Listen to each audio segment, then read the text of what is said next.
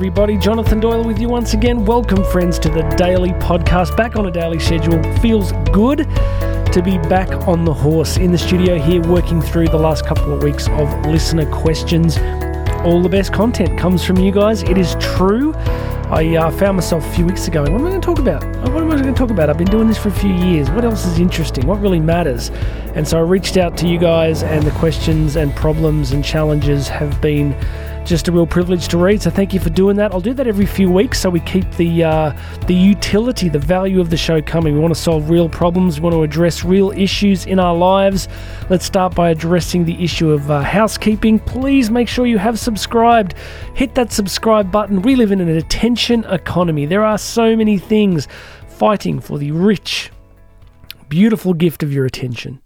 And um, there is, you know, so much out there that you just is time wasting. So I'm hoping to bring you value. So I'm hoping to earn your attention.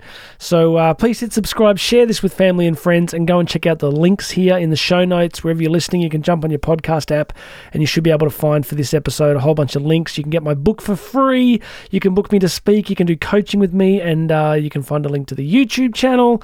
And finally, you can check out um, the link to Karen's masterclass for women. My amazing wife, Karen, does a masterclass for women around the world, uh, which she mentors groups of women in uh, in business, in life, in family, in whatever issues you're struggling with. So go check that out. She is a amazing woman. Very proud of my bride, and uh, really proud of, proud of what she's doing. So go check that out, friends. Today we're talking about a topic that every single one of us can relate to.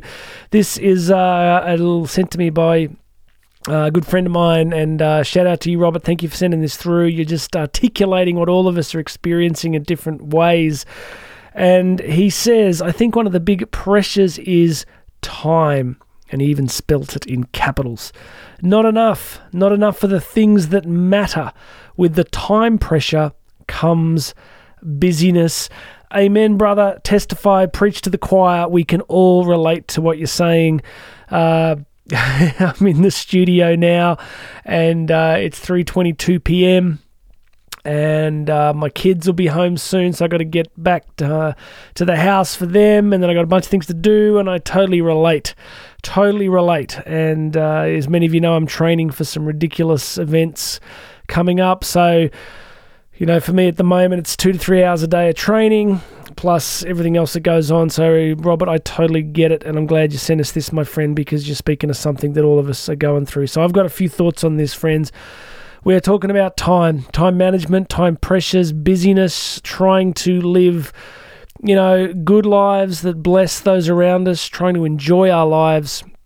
And the, look, the first thing I want to frame here is let's acknowledge the reality of our situation. We have been born into a interesting moment in the human journey. We are living in an incredibly complex, technological, technocratic, post capitalist or late stage capitalist culture where utility and consumerism kind of are the, uh, the, the milieu the soup de jour, if you will. We're surrounded by technology and its great promise of freeing up our time. Whoever came up with that marketing slogan for for uh, for marketing needs to uh, go and sit in the naughty corner for a while because it hasn't exactly come to pass, has it? How you going with that? How you going with um, with how technology was supposed to free up our time? So look, the first thing I want to recognize is, and I want you know, because this leads us to some self compassion is. Often, when you're struggling with busyness, exhaustion, time, strain, you can make it a you thing. I'm not talking to Robert specifically, I'm talking to all of us here. Like, we can make it about us, right? Oh, if I was better, if I worked harder, if I did this. So, blame is really helpful. Constructive feedback is good because it helps us to consider where we can grow. But, you know, internal criticism, the negative self critic that we all have, that tells us that, you know, if we were just like her or just like him, we'd be more organized and we'd get more accomplished. You know, please remember that the goal of life is not to accomplish more. That is not the goal of life.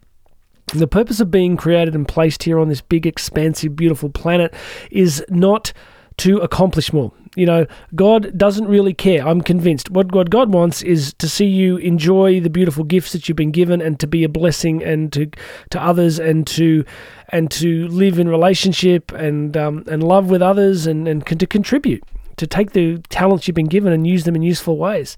So however that plays out doesn't you know it's not as if that, that we win by doing more okay so let's address that first we don't win by doing more we've been born into a very demanding, busy, complex society with multiple layers of responsibility and you know connections and all these different things we're trying to do. So we want to have some compassion and ground ourselves a little bit and say this is just how it is. I didn't ask for this, but this is what's going on. Now, how do I interact with it? Uh, I can't recommend enough Paul Kingsnorth. I follow Paul Kingsnorth's work on Substack. I'm a big fan.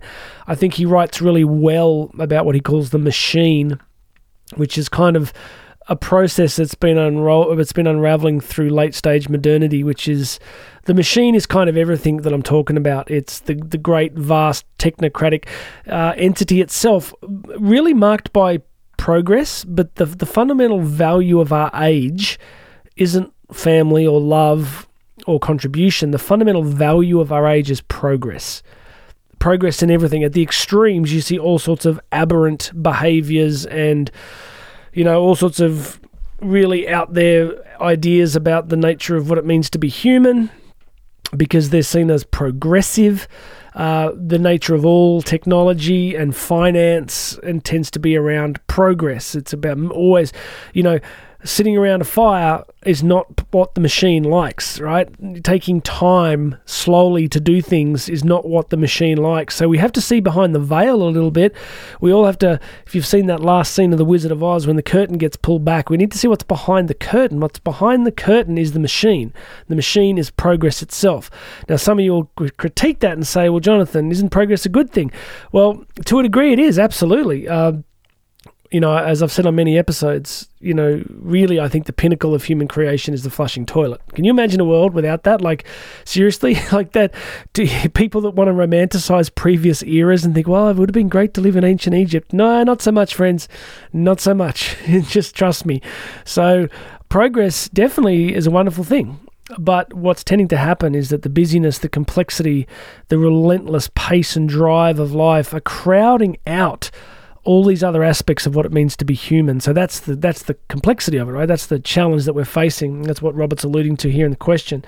So let me give you a few thoughts on this. We're talking time management. We're talking uh, busyness. I wanted to talk about these things. They're in no particular order, but these are the notes that I put down to share with you. First things first is to ask yourself the one great question: What matters most? What matters most? And by that I mean, what are your non-negotiables? What are the things that have to go into your bucket each day? What are the things that have to happen on a daily basis that become non negotiables? Because amidst the complexity of everything, what tends to happen is the non negotiables become either highly negotiable or we stop thinking about them and they just get jettisoned and then we find ourselves unhappy, out of relationship, all this stuff happening because we've lost our non negotiables. So let me give you a practical insight. This is what my days look like. So, without uh, too much exception, unless something really unusual has happened, I get up every day at 4 a.m. and then I will almost immediately get into training. So, I'll do two to three hours of training. I've got obviously this 255 kilometer race coming up in eight weeks. So, uh, I do a huge amount of training, and then from then it's, you know, well, that's one non negotiable for me, right? That if I don't get that exercise, you know, and I'm not saying do that. I'm saying for you it might be 20 minutes or half an hour or whatever it is, a walk around the block, take the dog out, whatever it is. For me, that's a non-negotiable. You know, I, I don't have many days where that's not there. Um, the other non-negotiables for me would be uh, prayer and spirituality. So I'll spend an hour this afternoon sitting in the back of the cathedral where I live and just having my headphones on and having that time for prayer friends, that's just that's just a non-negotiable. There would there would barely be a day in my life over the last 25, 30 years where that hasn't been there. Then, of course, there's Karen and the kids. My good friend Annie Mullins has a beautiful bit of parenting advice where he said you just have to make sure that, that each of your kids gets some one on one time each day. I don't get that perfect, but that's a non negotiable. So, they would be my big three. They would be, you know, physical training, spirituality, and family. They're the non negotiables. So, one of the first things we want to do with time management is ask ourselves that question what matters most? What are your non negotiables? So, I hope you can get a piece of paper out, you can get your journal out after this and ask yourself, what are my non negotiables? And start to build a life around that. And then catch yourself in the act of undermining yourself. What do I mean? You will say that you have a non negotiable. You will write it down, but then you will often live contrary to it and you'll tell yourself a story, and the story will be, well, I just can't today, or I just can't do this today. Friends, you only get today. You know, we, we live under this illusion that we've got 10, 20, 30, 40, 50, 80 years to go, but we don't. We just don't have that. So, if your non-negotiables aren't negotiable, aren't non-negotiable on a daily basis, then they're not a lot of use to you. So get clear on that. Uh, next thing in uh, look, can I link something here? I'm going to draw a link on my notepad. You can't see this because we're in audio format, but I'm going to do it this way. When I'm talking about non-negotiables, I've asked I asked you to at the start what matters most, right? What matters most. I spoke in Sydney last week to about 600 people, and I said to them, we were talking about some parenting stuff, and I said, you know, at the end of your life, what will matter, really, what will matter will usually be the people who are in that room with you at the end of your life. You see, at the end of your life, in, in a nursing home or a hospital or wherever you are, you're not going to be thinking to yourself, you know what, if only I'd launched one more podcast. You're not going to be thinking to yourself, if only I'd got that promotion, then my life would have made sense to me. You're not going to be saying, if only I'd spent more time in the office or bought that property or driven that car. You're not going to be saying any of those things. So at the end of your life, what you will be valuing will be probably most likely the people in the room with you. So if that's true, then a lot of our focus and energy should be going on that. And so I just want to put that on your radar. I want to link that up as you work through your non negotiables you need to be thinking about that end of life question. Okay, what else? In no order, no particular order, workaholism is not a crown of victory. Workaholism is not a win. Every single one of us is different. I have some friends whose capacity for work is extraordinary. Um, even Karen, like my wife, like so her capacity for work is extraordinary. For me, whether it's because of the training or whatever, I just get tired and that's it. I'm just like, sorry, I'm done. Goodbye. it's like I just can't keep going. I just can't. I, I, seriously, some nights I'll be asleep at seven thirty. I just be like, I'm done. I'm thank you everybody. It's been great. I'm out now. I'll see you all at four in the morning.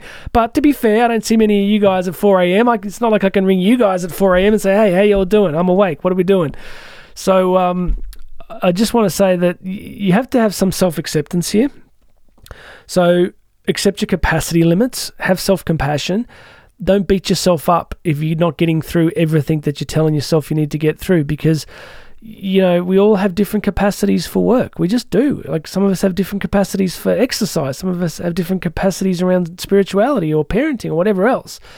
We can learn things, we can tweak at the edges, but some people in my life experience have just got this relentless capacity to work, and God bless them, right? Um, some people are workaholics and it's destructive and eventually takes a toll on their health and other things. So just work within your limits, right? I remember once we were living in far north Queensland and we used to go to this beautiful Aboriginal church. We were like the only white people there. It was the best. We had so much fun. We were just, the people loved us beautifully. We had great memories of it. And I remember Pastor Brian Lampton stood up there one day and he said, Always remember, people, he said, God made three parts to the day morning, noon, and night. And he said, Always remember, only use two of them. I always thought that was great. Only use two of them. You know, for me, I use the morning and I use the day. I really do. I, you know, my day starts super early. I rip in, I push through the day. I don't use the evening. If I did that, I'd just break. I would just break. And I can promise you that I have broken myself before. I did it the first time, I would have been, gosh, I don't know, I would have been um, probably uh, mid 20s. And I was just, you know, drinking obscene amounts of caffeine and just working too much and studying and just, I just broke myself completely and found my limits and they weren't pretty. And I did it again probably around the time my son was born, my second son. Um, because I was just traveling and flying too much and speaking too much, and it took me a, probably a year to recover.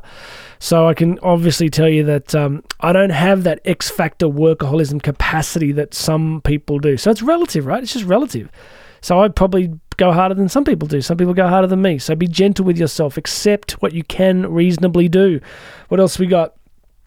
I want to give you the insight from Stephen Covey again, who in his book Seven Habits of Highly Effective People, gosh, I read that like, gosh, must be what I don't know, twenty five years ago.